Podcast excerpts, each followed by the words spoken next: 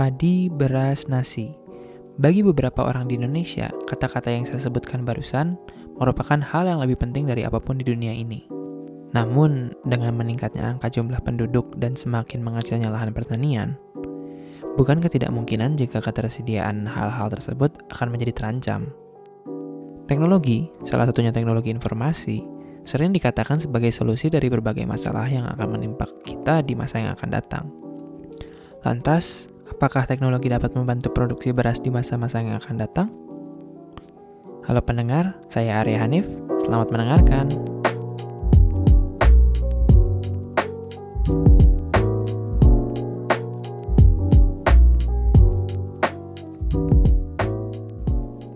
Sebelum menjawab pertanyaan tersebut, kita perlu memahami dua hal, teknologi informasi dan produksi beras. Mari kita mulai dari teknologi informasi. Apa itu informasi? Informasi adalah data yang telah disusun, diproses, atau ditampilkan untuk keperluan tertentu yang bermanfaat. Teknologi informasi merupakan istilah umum untuk teknologi yang diciptakan untuk membantu membuat, mengubah, menyimpan, mengomunikasikan, dan atau menyebarkan informasi. Hal ini meliputi internet, software, aplikasi, database, dan lain sebagainya. Dengan meningkatnya populasi dan menurunnya area lahan, petani perlu meningkatkan produktivitas, kualitas, dan keberlanjutan usaha taninya untuk memenuhi tuntutan pasar yang terus meningkat dengan ruang kerja yang semakin mengecil. Untuk meningkatkan produktivitas, kualitas, serta menjalankan pertanian yang berkelanjutan, petani perlu melakukan kegiatan budidaya secara tepat dan akurat. Di sinilah peran teknologi informasi masuk.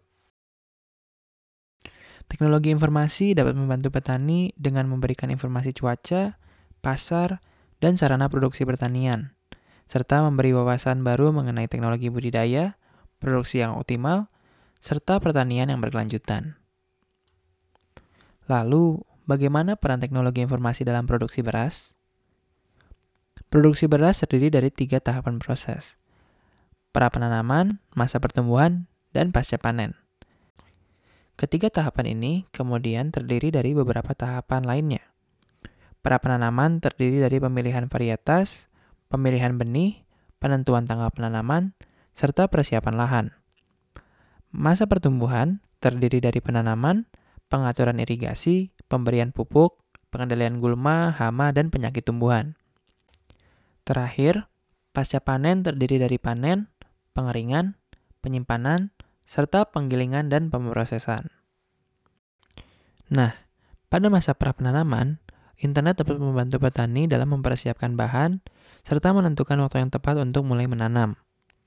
Internet merupakan tempat yang sangat berguna untuk mendapatkan informasi terbaru, baik itu melalui pencarian di mesin pencari seperti Google, mengakses dokumen-dokumen seputar pertanian yang diunggah ke internet, maupun sekedar berkomunikasi dan berdiskusi dengan para ahli atau petani lainnya secara virtual. Selanjutnya pada masa pertumbuhan padi. Teknologi informasi membantu petani dalam menentukan saat panen optimum, produksi biomasa, dan potensi hasil panen. Hal tersebut bisa didapatkan hanya dengan menggunakan aplikasi sederhana, di mana petani hanya perlu memasukkan varietas padi, kota penanaman, serta tanggal penanaman. Software tersebut kemudian akan melakukan proses perhitungan dari database-nya untuk mendapatkan waktu panen, produksi biomasa, dan potensi hasil panen. Ketika sudah dipanen, padi digiling untuk mendapatkan beras yang siap untuk dipasarkan. Untuk mempermudah pengecekan ketersediaan beras berdasarkan jenis beras dan membantu dalam mencatat transaksi kegiatan operasional harian pada penggilingan padi, dapat diterapkan teknologi informasi. Di sini, komputer dan software dimanfaatkan untuk membantu proses transaksi, pencatatan hasil keuangan, dan pendataan arus keluar masuk beras. Jika teman-teman pendengar pikir, semua tahapan yang sudah disebutkan terbantu prosesnya oleh adanya teknologi informasi. Teknologi informasi seperti internet, software berupa aplikasi, dan hardware berupa komputer memudahkan pendapatan dan pengumpulan informasi yang sangat berguna untuk mendapatkan produktivitas tani terbesar. Jadi, apakah teknologi dapat membantu produksi beras di masa-masa yang akan datang? Jawabannya iya. teknologi informasi dapat membantu produksi beras, tidak hanya di masa yang akan datang, tapi sudah dimulai di masa sekarang. Saya Arya Hanif, terima kasih sudah mendengarkan. Selamat beraktivitas.